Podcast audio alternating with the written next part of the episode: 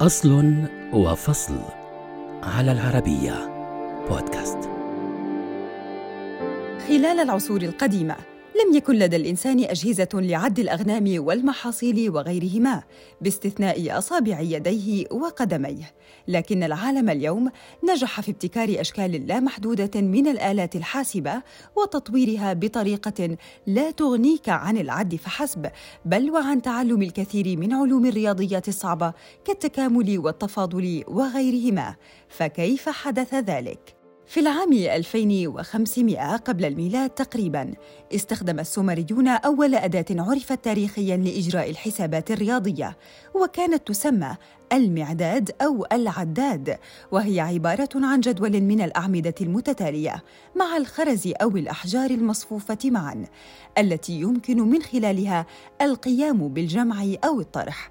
كذلك قامت حضارات أخرى باتباع طرق مشابهة للعد فالصينيون مثلا رصوا الخرز على سلك داخل إطار من الخيزران واستخدموه للعد. ولكن هذه الأدوات لم تكن مجدية في الضرب أو القسمة بين القرنين الخامس عشر والثامن عشر شهدت أنحاء من أوروبا والشرق الأوسط ولادة أدوات حسابية جديدة كان أغلبها يعتمد على لوح مزود بسلسلة من الأرقام المرتبة فوق أعمدة خشبية أو معدنية أو ورقية. يتم ترتيبها بطريقة معينة لتجميع الأرقام وإجراء العمليات الحسابية.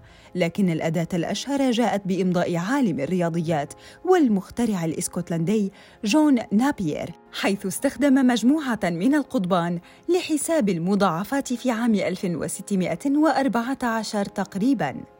سميت هذه الطريقة الحساب بالقضبان. حيث تكونت من العظام وهي قضبان رفيعة منقوشة بجداول الضرب وضعت داخل صندوق بطريقة أفقية احترافية ساعدت على قراءة جداول الضرب مكنت هذه الأداة التي عرفت باسم عظام أبيير في الحسابات الشخص القادر على القيام بالحسابات الذهنية، لكنها لم تكن تعد حاسبة حقيقية.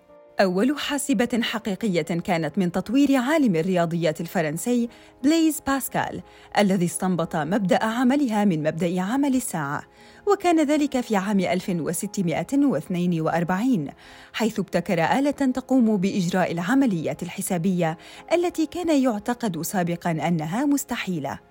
اخترع باسكال الآلة لوالده الذي كان يعمل جابيا للضرائب وصنع منها نحو خمسين على مدى السنوات العشر اللاحقة. في وقت لاحق من القرن السابع عشر ابتكر غوتفريد ويلهلم ليبنز آلة أكثر تقدماً. ثم توالت ابتكارات آلات الحساب الميكانيكية حيث ابتكر توماس دي كولمر في منتصف القرن التاسع عشر آلة ميكانيكية أسهل في الإنتاج لكنها كانت كبيرة جدا وضخمة مقارنة مع ما هو موجود اليوم. في العقود الأولى من القرن العشرين تم تطوير آلات أكثر تقدماً كان بعضها يعمل بالمفتاح والبعض الآخر يحتاج إلى أسطوانة دوارة لإدخال المبالغ في ثقوب بلوحة المفاتيح. وبعد ذلك يتم تدوير الأسطوانة بواسطة محرك كهربائي.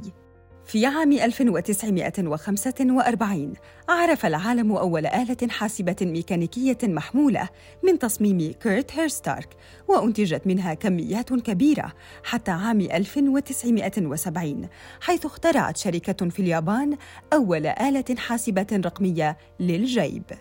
لاحقاً قامت الشركات في الولايات المتحدة الأمريكية مثل تكساس انسترومنتس بتطوير تصميم الجهاز الياباني وتحسينه من خلال إنشاء الآلات الحاسبة الرسومية التي نعرفها اليوم.